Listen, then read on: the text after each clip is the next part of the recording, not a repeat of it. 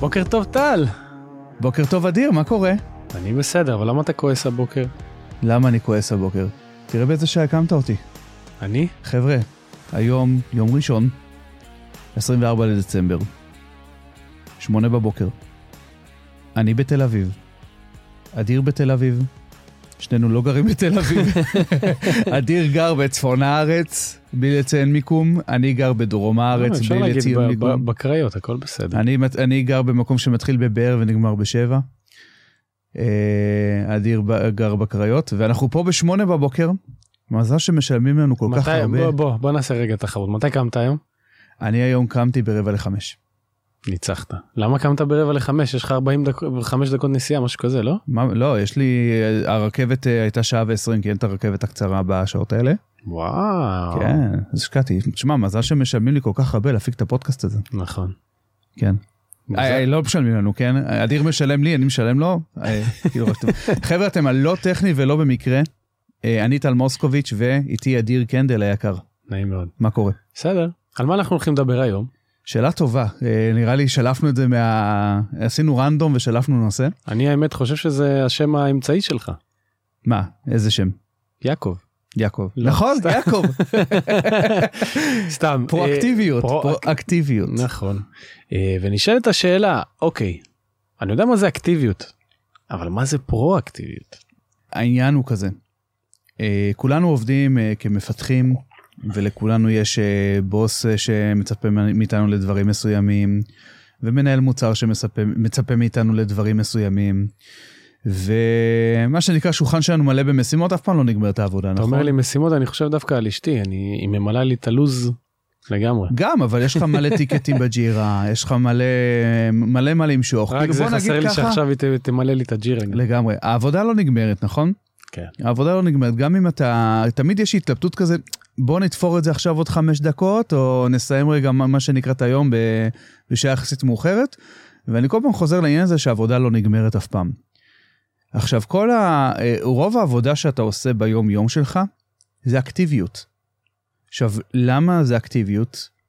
בגלל שני דברים. קודם כל, אתה סוג של תגובתי ברוב המקרים למשהו שמישהו אחר קבע לך, מישהו אחר שהחליט על הזמן שלך, מישהו אחר שאמר, אוקיי, זה בתעדוף יותר גבוה. ושתיים, גם בהכרח התוצאה של מה שאתה עושה, היא, יחסית מתקבלת בטווח קצר. כשאני אומר תוצאה, זה גם, זה גם אם עשית איזשהו אה, ticket, שבסופו של דבר עולה ל production עוד אה, שבועיים, זה יחסית טווח קצר, גם אם זה עולה עוד חודש. או שהבוס שלך מרוצה, או, ש... או שעשית איזושהי פעולה שקיבלת עליה פידבק מיידי בטווח קצר. זאת אומרת, ריאקטיביות זה תגובה שלי למשהו שקורה כרגע. נכון. למשל, באג ב production, עוזב הכל, מתחיל אה, לחשוב נכון. איך אני פותר אותו. וזה זה באמת הדברים שהם מה שנקרא דחופים יותר. זה דברים ש... שאנחנו יודעים להגיד מתי הם מסתיימים אגב. זה אקטיביות. עכשיו מה זה פרואקטיביות? זה עדיין אקטיביות, אבל אקטיביות אחרת. זה אקטיביות שבעצם אומרת התוצר של מה שאני עושה עכשיו הוא לא מתקבל בטווח המיידי. ואני סוג של מה שנקרא אה, בונה מכונת זמן לעתיד, בעיקר בעיקר בשבילי, בשביל דברים שחשובים לי. אבל אפשר לקחת את, הדבר, את הדברים האלה גם לפרואקטיביות בעבודה. זאת אומרת, אם אתה עכשיו עובד על איזושהי משימת אה, research שאף אחד לא ביקש ממך לעשות, אבל אתה יודע שזה מאוד מאוד חשוב לפרויקט, כי אה, יש נגיד בעד ביצועים שאף אחד לא מתמקד בה, או אה, משהו שאולי סיכוי סביר שיקריס את המערכת אה, עוד אה, חצי שנה, אבל אתה החלטת לטפל בזה עכשיו. עכשיו, לטפל בזה זה לאו דווקא לכתוב קוד, אלא להציק לבוס, תשמע, זה הולך לקרות, או לעורר, לעורר פה איזושהי הזד, אה, הזדהות עם הבעיה הזו. זה פרואקטיביות. זה אפילו קוד הלכה למעשה, כי למשל, נכון, אם, גם- אם, גם קוד. אם אני מכניס בדיקות לקוד שלי, זה סוג של פרואקטיביות, כי אני בא ואומר, גם אם יש לי איזשהו באג שקרה, או שאני רוצה, או באג עתידי, אני רוצה למנוע אותו כבר עכשיו, אני לא רוצה, כמו שאמרתי מקודם, להיתקל בו יום אחד ב production, ואז עכשיו להתחיל להגיב ולעזוב הכל, ו... נכון, פרואקטיביות זה ההפך מלהגיע לגשר ולעבור אותו. זה בדיוק העניין. אני רוצה לבוא וכבר עכשיו לחשוב אם יהיה גשר, איך אני עובר אותו. כאילו, איך אני מכין לעצמי כבר את כל הזה. עכשיו, זה, זה נובע, כאילו, זה גם מתחיל מבאגים או, או דברים כאלה, וגם הרבה דברים עתידיים, לחשוב הלאה, מה הלקוח אולי ירצה, ולבוא ו... ו אמ, גם אם הדבר לא מונח עליך על השולחן ו- וסוג שאתה מחכה למשהו, אז לבוא ולעשות את כל מה שאתה יכול כדי לקבל את הריסורס שאתה מחכה לו, אם זה תשובה ממישהו, אם זה אה, קוד שמישהו כתב שעדיין לא הגיע אליך, כל הדברים האלה זה פרואקטיביות. עכשיו, זה, פה נתנו דוגמאות ב, בעולם העבודה, מה שנקרא, ב, בתפקיד המקצועי, המקצועי שלנו, ואני בעיקר ביום-יום שלי מתעסק בפרואקטיביות אישית. זאת אומרת, פרואקטיביות שהתוחלת שלה והתמורה שלה זה התפתח, ההתפתחות האישית שלנו, בין אם ההתפתחות המקצועית שלנו או ההתפתחות האנושית שלנו, נקרא לזה ככה. ופה אה, נכנס כל הדברים שאנחנו כל הזמן אומרים, וואי, זה כל כך, כל כך, כל כך חשוב, אבל אף פעם, אף פעם לא דחוף לנו לעשות אותם, עד שקורה משהו, שזה ללמוד, שזה לחזק את רשת הקשרים שלנו, שזה אולי לחקור על השוק מה, מה קורה בשוק, אם יצא איזה משהו חדש, עם כל מיני דברים כאלה. עד שהרגע שבה אנחנו צריכים אה, לחפש את המקום החדש שלנו, או לחפש עבודה, ואז פתאום הכל נהיה ממש ממש דחוף, ויש לנו פערי ידע, ואין לנו רשת קשרים שעובדת בשבילנו. ו... אוקיי, אז בוא נגיד, בוא נגיד שאני רוצה להיות פרואקטיבי, ואני מנסה לחשוב מה אני יכול לעשות. האם אני בהכרח צריך לגזור את זה מאיזושהי מטרה עתידית שלי, או שאני יכול לבוא ולהגיד, טוב, יש לי כמה צעדים שבכל מקרה יהיו שווים לי משהו יום אחד. תראה, אז אני חושב, אה, ואני בניתי מהניסיון שלי ממש מודל לפרואקטיביות, שהוא מתחיל כן מהשאלה מי אני ולאן אני הולך. אוקיי? אז התשובה, לש... התשובה לשאלה שלך היא אומרת כן, אני חושב שבהכרח אנחנו צריכים לחשוב לאן אנחנו רוצים ללכת.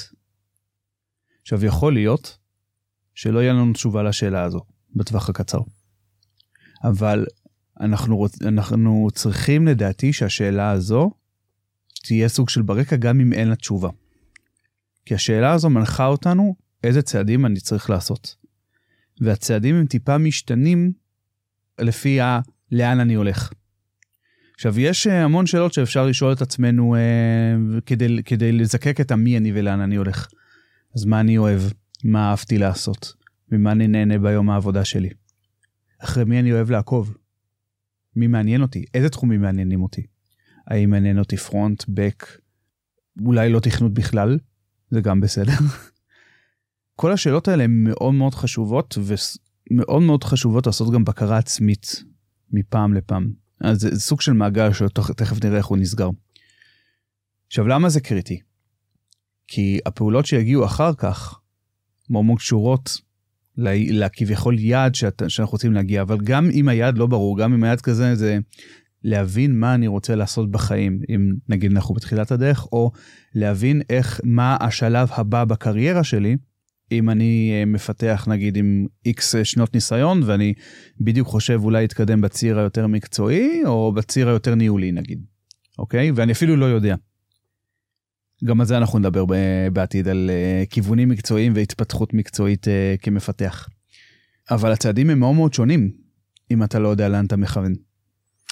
נכון, אני אגיד לך למה אני שאלתי את מה ששאלתי. כי בסופו של דבר יכול מאוד להיות שאנחנו עכשיו נתחיל אה, לספר פה תכף אולי סיפורים אישיים קצת של איך הפרואקטיביות שלנו למשל עזרה לנו או אפילו לאחרים למצוא עבודה. אבל אולי אני לא משנה מי אני כרגע, פלוני אלמוני, ישראל ישראלי, לא מחפש כרגע עבודה וטוב לי איפה שאני עובד, ואם אני לא מחפש עבודה, למה שאני אהיה פרואקטיבי? כבר עכשיו, אתה מבין מה אני, כאילו, זה לא, אני כרגע, אני לא מבין איך, למשל, ליצור תוכן שלא עשיתי את זה עד כה, מעולם. באמת אדיר, לא עשית את זה עד כה לעולם? לא אני, סתם, ישראל סתם, ישראלי. ישראל ישראלי. אה, לא עשיתי את זה מעולם, למה שאני אתחיל עכשיו, בנקודה הזאת של החיים או של הקריירה, כשאין לי שום מטרה מוגדרת?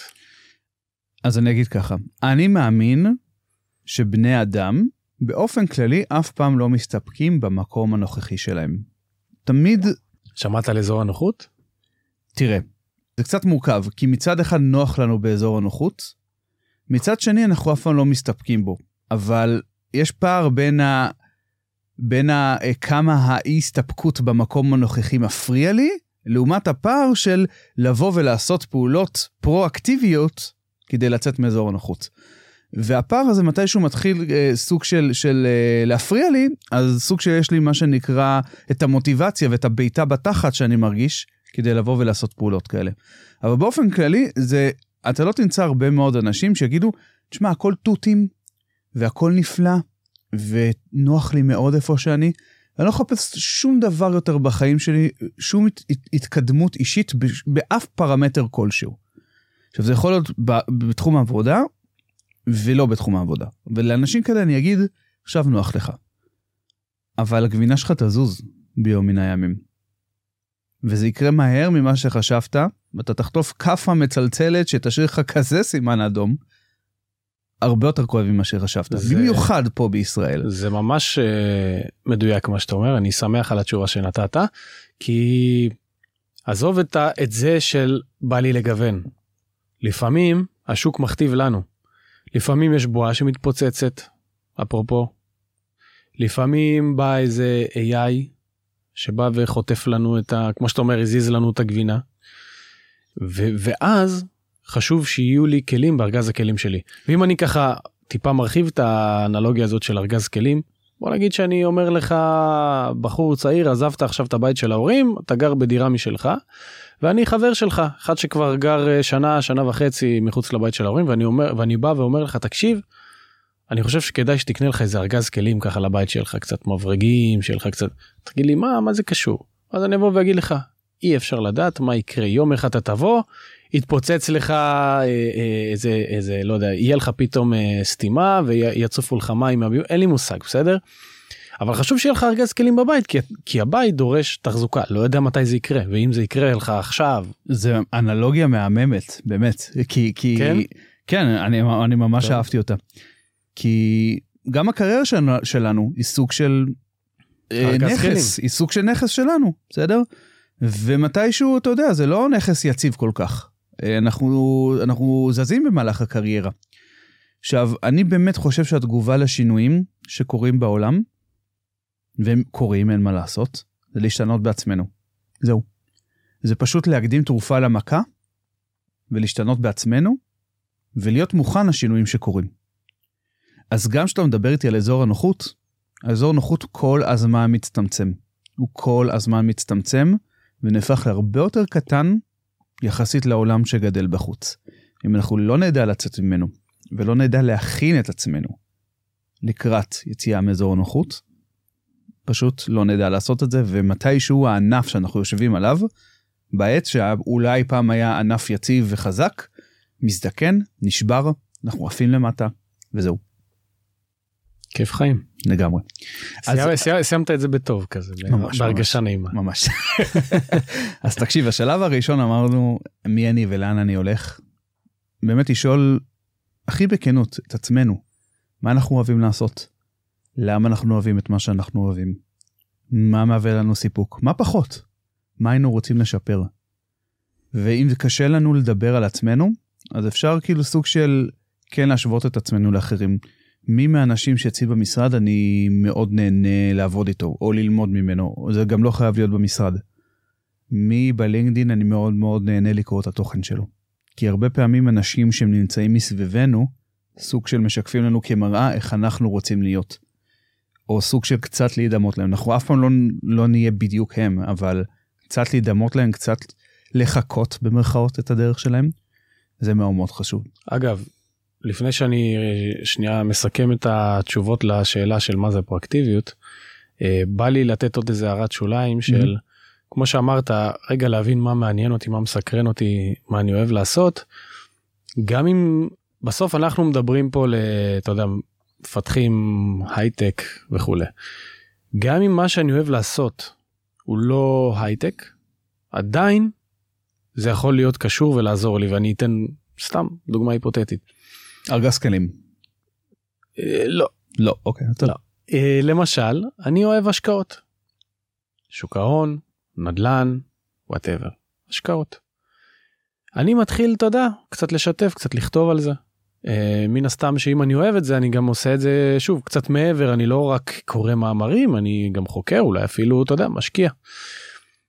איזה כיף יהיה אם הצלחתי ליצור לי איזשהו שם של מפתח שאוהב השקעות ויום אחד תהיה לי הזדמנות להיכנס לסטארט-אפ פורץ דרך עם אה, מוצר בתחום, ה... בתחום הפיננסי. Mm-hmm.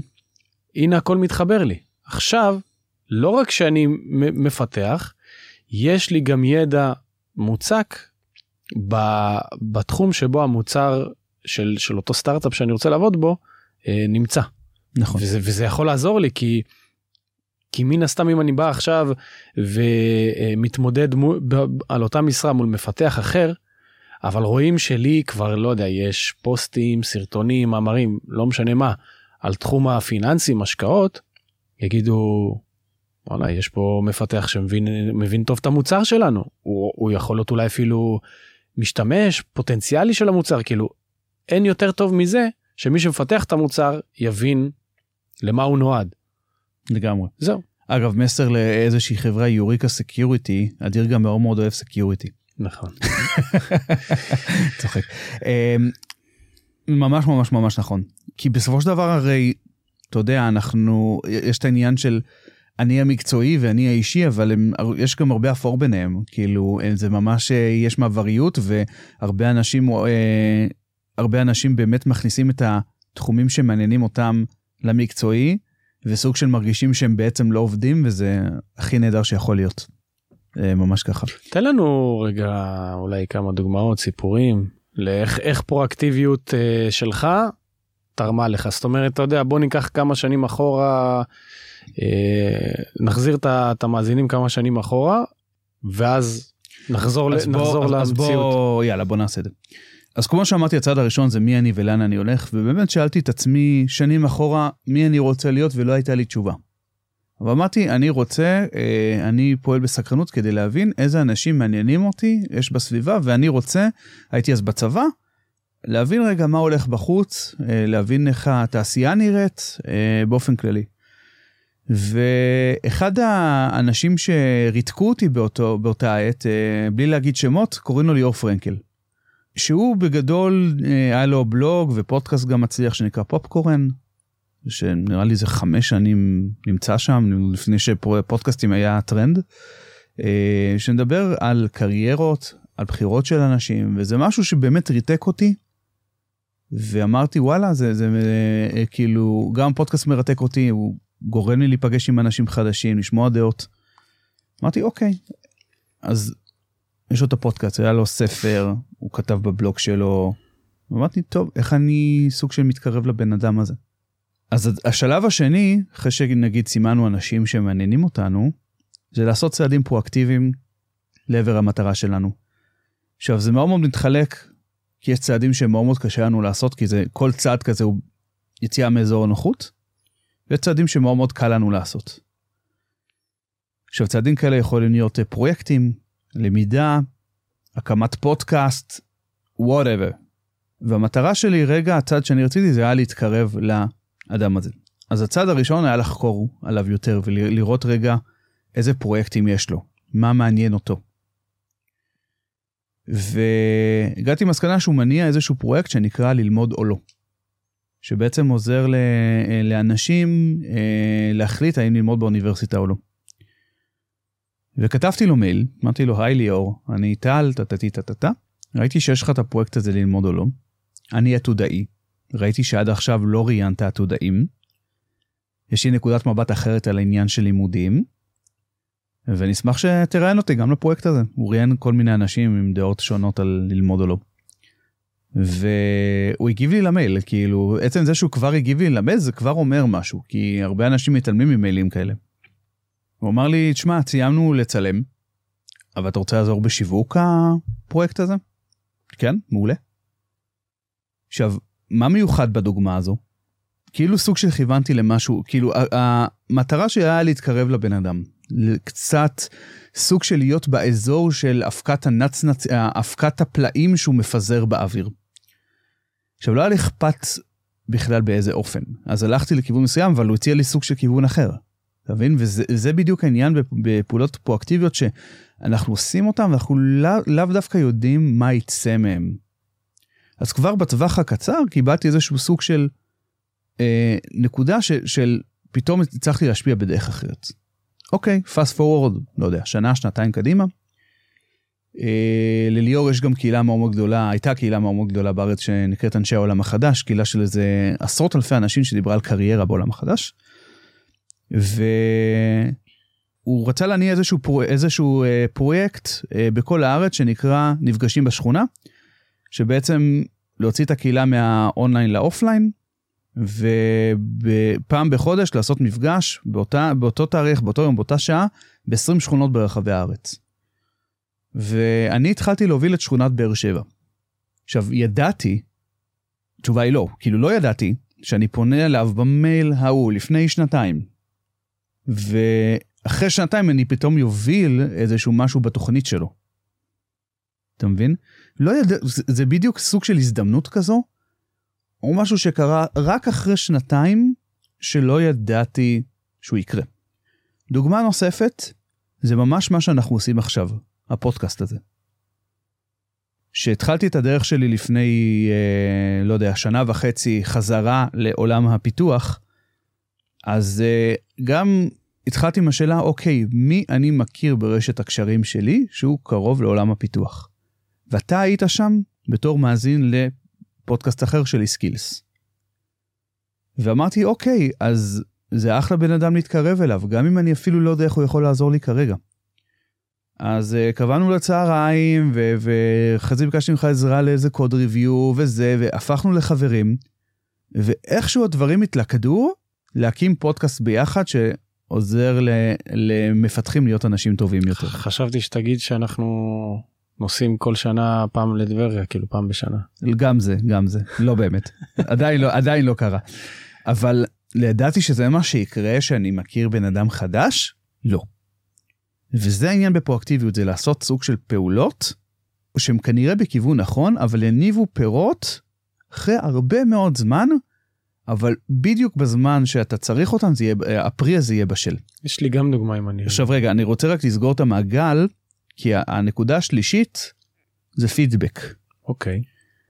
פידבק אה, שהוא מגיע גם מהסביבה לפעולות שאנחנו עושים. שהפידבק זה גם נגיד תגובה מוצלחת למייל, קשר חדש שנוסד. או ממש עניין של כזה, תשמע, אתה לא בכיוון, אה, אפילו תגובה שהיא קצת אה, מסיתה אותנו על איזשהו פוסט שכתבנו נגיד. והתפקיד שלנו זה לבוא ולהבין רגע, לזהות את הפידבקים האלה שלפעמים הם לא בדיוק נראים לעין, לא בדיוק מילוליים, הם לא בדיוק, הם לא בדיוק נראים. לסנן אותם, להבין מה אנחנו לוקחים הלאה, ולהחזיר את זה חזרה באמצעות רפלקציה עצמית לשאלה של מי אני ולאן אני הולך. וזה המעגל של הפרואקטיביות. מי אני ולאן אני הולך? צעדים, מדודים, תלוי בר, ברמת היציאה שלך מאזור הנוחות, קבלת פידבק מעצמך ומהסביבה, וחוזר חלילה. טוב, אין ספק, אחלה דוגמאות. אצלי דווקא דוגמה יחסית אה, אפילו יותר פשוטה. אה, אני יוצר תוכן, אוקיי. אה, זה מי שאני, אני אוהב אה, לשתף תוכן, לשתף מידע, לקבל אחרי זה פידבק ש, שאחרים נהנו מזה, עושה לי טוב. אה, יש לי קהילה של מפתחי פרונט, מי שמכיר מכיר. אה, ועם השנים פתחתי לבלוג, אמרתי, טוב, איך אני מכניס עכשיו תוכן לבלוג הזה? התחלתי ככה לחפש כל מיני השראות בחוץ, אבל אני לא זוכר איך, אבל הגעתי לקונספט הזה של לראיין אנשי מפתח בתעשייה, מה שנקרא, אבל לראיון כתוב לתוך הבלוג. קודם כל רק בעזרת הדבר הזה הצלחתי להרחיב את רשת הקשרים שלי בצורה פנומנלית הכרתי אני עדיין מכיר אותם כן הם כבר חברים אנשים מהמובילים בתחום בסדר? כי מבחינתם היה להם כיף שמישהו בא ומראיין אותם יכול להיות שזה קצת מגדיל את האגו וזה נחמד. מבחינתי אני עכשיו מכיר אותם ויבוא יום ואולי אני אצליח להיעזר באחד מהם. אז כמובן שנעזרתי בהרבה מהם לאורך הדרך אבל סתם הדוגמה שהכי קופצת לי לראש זה שפעם אחת רציתי אה, לקנות כרטיס לכנס אה, של ריאקט נקסט מי שמפתח יודע שזה מפתח פרונט אפילו יודע שזה אולי אה, כנס הפרונט הגדול בארץ שקורה פעם בשנה. אה, וכמובן שהחברים שהכרתי הם אה, מרצים שם. אז יש שם קטע שכאילו אה, מחיר הכרטיס משתנה ככל שאתה יותר מתקר... קרוב לצלחת. יותר לא. יכול להיות לא אבל יותר קרוב לאירוע. אה, זאת נכון, אומרת ככל שאתה קונה לפני זה יותר זול. נכון. אוקיי ראיתי ראיתי מחיר מסוים טיפה התלבטתי אם אני רוצה להגיע לא רוצה להגיע. בערך שבוע אחרי כבר אמרתי טוב יאללה אני קונה נכנס לאתר כבר אין את הכרטיס מסתבר שהוא כאילו הטווח זמן הזה נגמר. ועכשיו המחיר קפץ בעוד אה, אני חושב 150 שקל משהו כזה כאילו זה זה לא היה זול לפני ועכשיו בכלל.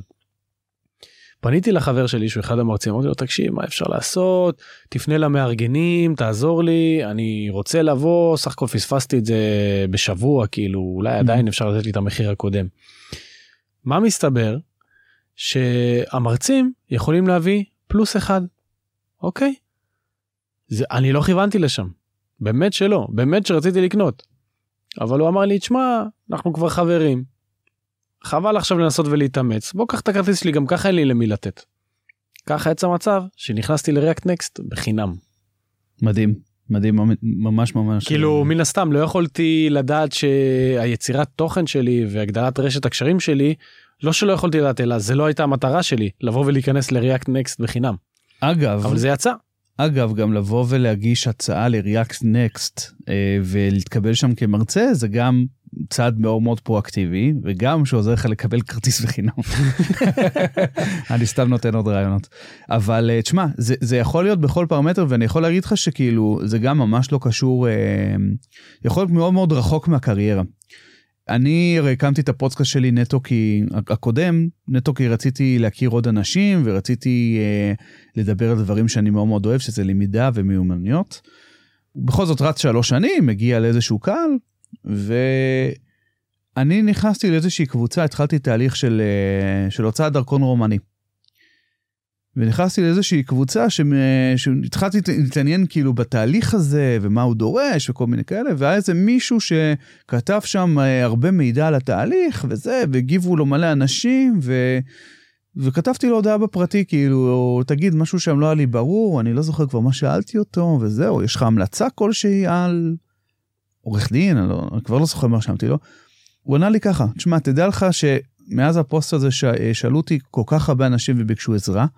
אני לא עונה לאף אחד מהם, אבל רק בגלל שיש לך פודקאסט נהדר, אני עונה לך. מגניב. אז זה אפילו לא קשור כאילו ל- ל- לשדה המקצועי, ונטו בגלל שאתה יודע, אתה סוג של זורע זרעים בעולם, שמתישהו נופתים ואתה אפילו לא יודע מתי הם ינבטו, אבל הם נופתים בדיוק ברגע ש- שמתאים לך, וכל מה שאתה צריך לעשות, זה רק לאסוף את ההזדמנויות האלה מהרצפה. וזה מזל אמיתי. אני לא באמת מאמין במזל שדברים ככה סתם נופלים מהירח. זה חוכמה לזרוע את הזרעים הנכונים בעקביות ולאורך זמן, לחכות שמשהו יצמח, ולתפוס את הפירות ברגע שהם צומחים. זו פרואקטיביות. יפה. עכשיו אחרי שסיכמנו את הסיפורים ו... אז כאילו נתנו דוגמאות לאיך זה בא מהחיים שלנו בואו ניתן רגע דוגמאות למפתחים כאילו עוד דברים של מה הם יכולים לעשות בפועל שיביא אותם ל... לארץ המובטחת. מדהים. אז בואו נתחיל רגע מהשדה הבאמת מקצועי של רגע ביומיום בעבודה. אם אתם מזהים דברים ש... אה, שיכולים אה, לבוא ולתרום לכם גם מקצועית וגם לחזק את השם שלכם בתוך החברה, שזה אומר לזהות באגים יותר מוקדם. לבוא ולקחת סוג של פרויקטים ארוכי טווח של R&D שאף, בדברים שאף אחד לא רוצה להתעסק איתם, אבל זה דברים שבגלל שזה מאמץ מאוד מאוד גדול, אבל דווקא הדברים האלה שאף אחד לא רוצה להתעסק ואתה תיקח עליהם את הבעלות, בסופו של דבר יזכרו את זה לך, יזקפו את זה לזכותך. אז לקחת את ההזדמנויות האלה שיש מלא, וכן, וזה, וזה בדרך כלל על חשבון דברים אחרים, ואולי קצת עוד שעות בעבודה, וזה בסדר. אז אפשר לתפוס את ההזדמנויות האלה. אחרי זה, אפשר לבוא ולהמשיך את הגלגל גם מחוץ, גם מחוץ לחלקת האלוהים הקטנה של העבודה בחברה כלשהי. וזה לבוא ואותם דברים שנתקלת בהם, אותם באגים שנתקלת בהם ואותם uh, שיפורים בקוד שעשית, לבוא ולספר עליהם לאנשים אחרים. איפה לספר? בקהילה, ביצירת תוכן, בהרצאה, בקורות חיים. בקורות חיים. עכשיו, למה זה טוב? כמה דברים. אחד, עצם זה שאתה משתף עם העולם, קודם כל משהו, משהו, אה, משהו מתחיל בתוכך. זה גורם לך להבין יותר ולהפנים יותר מה עשית. ואיזה תהליך עברת, גם מבחינה אישית וגם מבחינה מקצועית. אתה מבין הרבה יותר טוב מה עשית מתי שאתה מספר את זה לאחרים. שזה בונוס אחד. בונוס שני, זה שעכשיו אנשים יודעים, הבחור הזה עשה משהו מעניין בעבודה שלו. אולי אפשר להתייעץ איתו על עוד דברים. אולי, רגע, במקום עבודה שהם מחפשים בחור נחמד.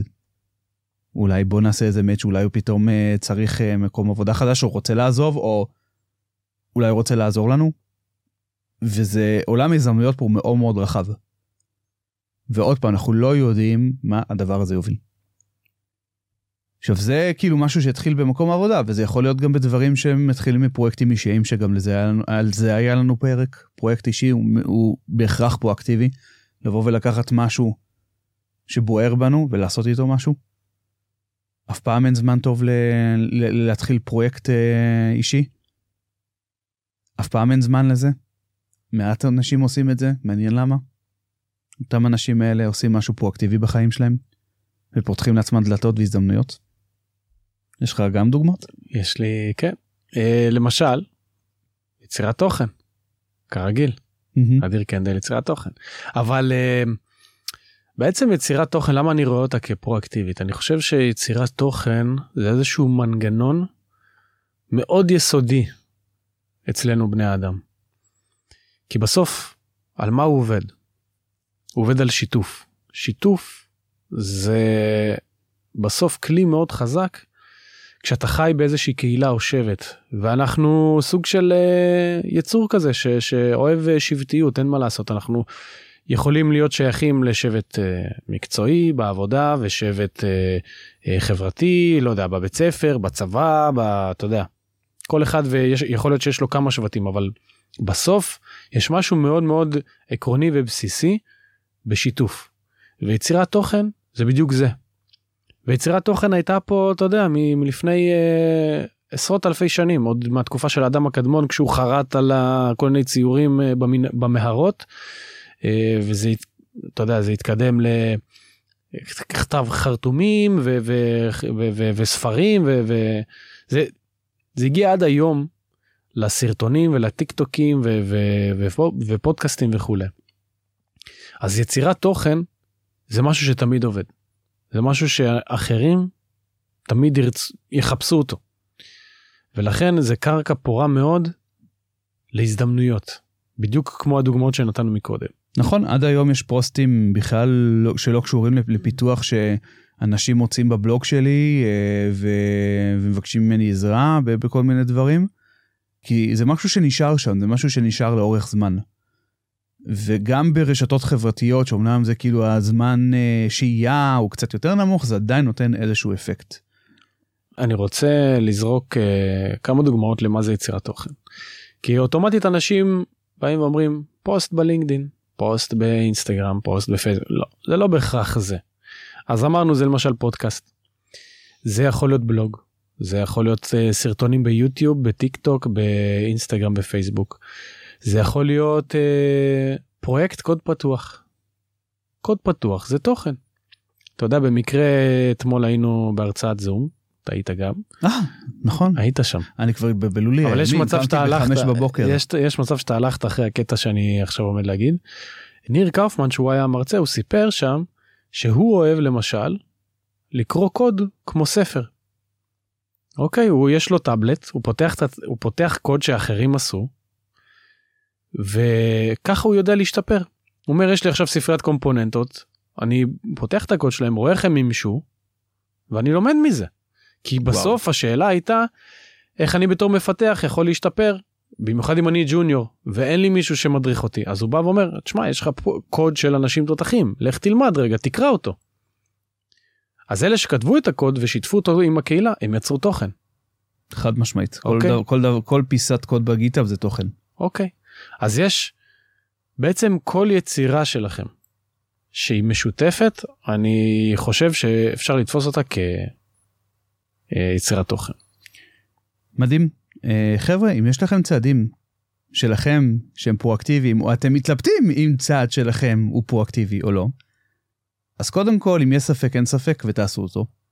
במינימום תלמדו על עצמכם משהו חדש. במקסימום יש עוד הרבה מאוד הזדמנויות שפתוחות לפני, לפניכם ואתם רק צריכים להיות החכמים שזורעים את הזרעים בזמן מחכים שמשהו יצמח. ואני ואדיר פה לעזרתכם אם אתם רוצים להתלבט לשאול. יש לי שאלה אליך שלא תכננו אותה. Mm-hmm. מה ה dark side של פרואקטיביות? אה, ה dark side. אתה רוצה שאני אעזור לך? אוקיי.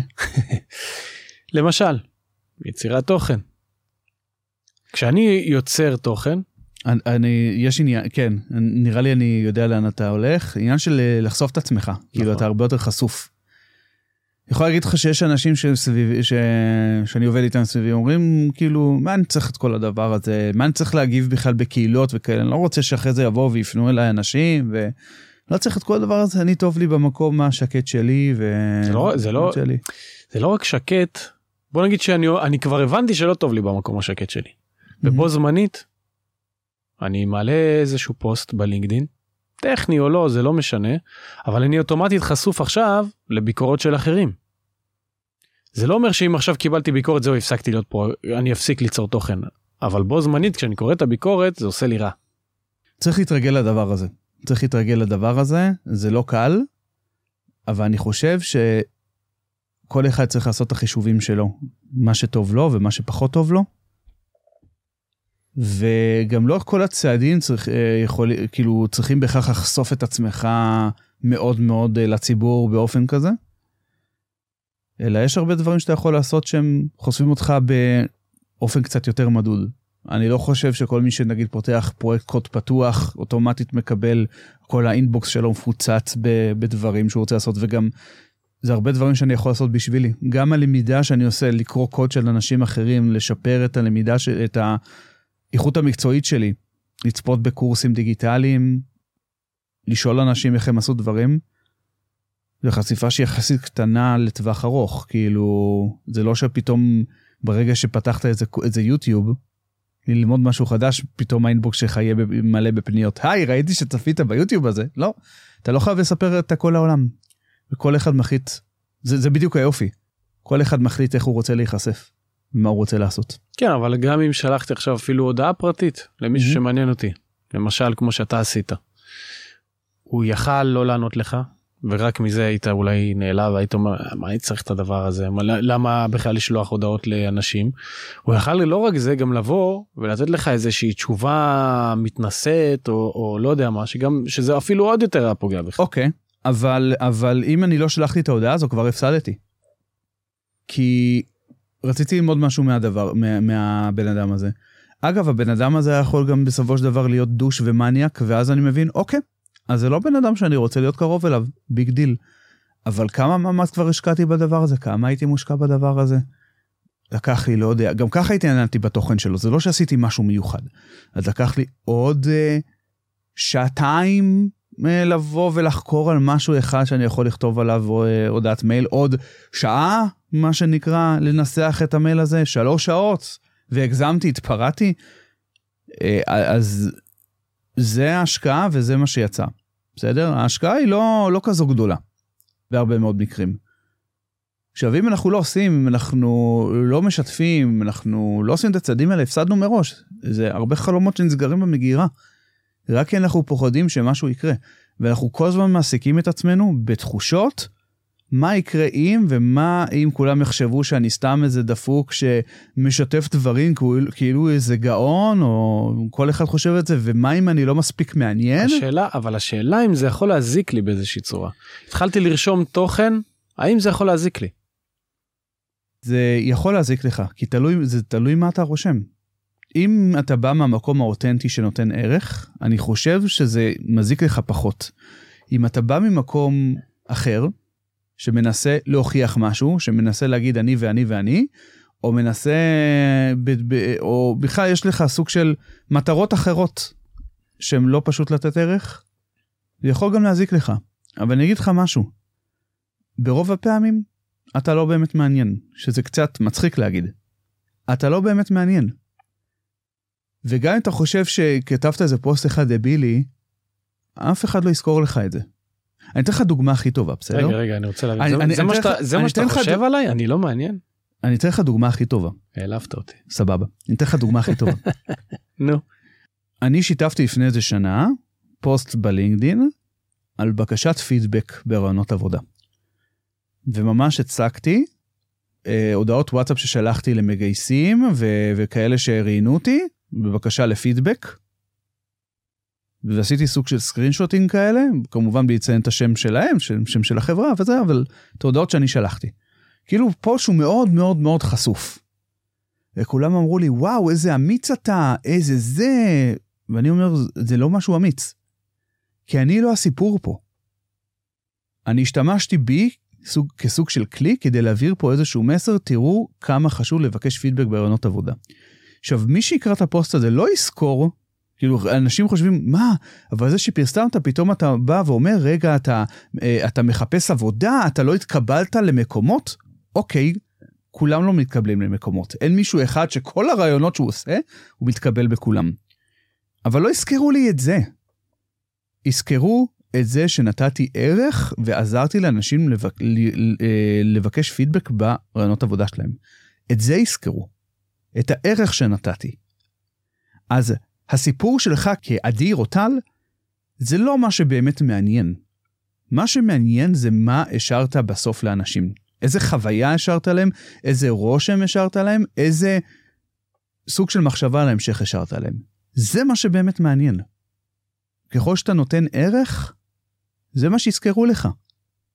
לא את, את הפוסט הדבילי שהעלית ואפילו טעית באיזה שגיאה טכנולוגית או משהו כזה. זה הכל. מסכים. נהדר. תודה רבה שהייתם איתנו. אה, אנחנו מאוד נשמח שתצטרפו לקבוצת הוואטסאפ שלנו, אנחנו אוהבים לדבר שם על התכנים שהיו, על התכנים שיהיו, אה, וכמובן אה, לעזור לקהילה הנפלאה שהקמנו. בנוסף, אם אהבתם אותנו, נשמח שתשתפו, תיתנו לייק, אולי אפילו פידבק, אנחנו פתוחים לכל דבר שיש לכם להגיד. ומילה אחרונה, תודה רבה לגוגל קמפוס שמארחים אותנו. נכון. ואם גם אתם אה, רוצים להשתמש במתקנים שלהם אז אה, כל מה שאתם צריכים זה להיות יוצרי תוכן בתחום הייטק ודברו איתם למה לא. נהדר אז תודה רבה שהייתם על לא טכני ולא במקרה. אני הייתי טל מוסקוביץ'. אדיר קנדל. ונתראה בצעדים הפרואקטיביים הבאים שלכם. יאללה ביי. ביי ביי.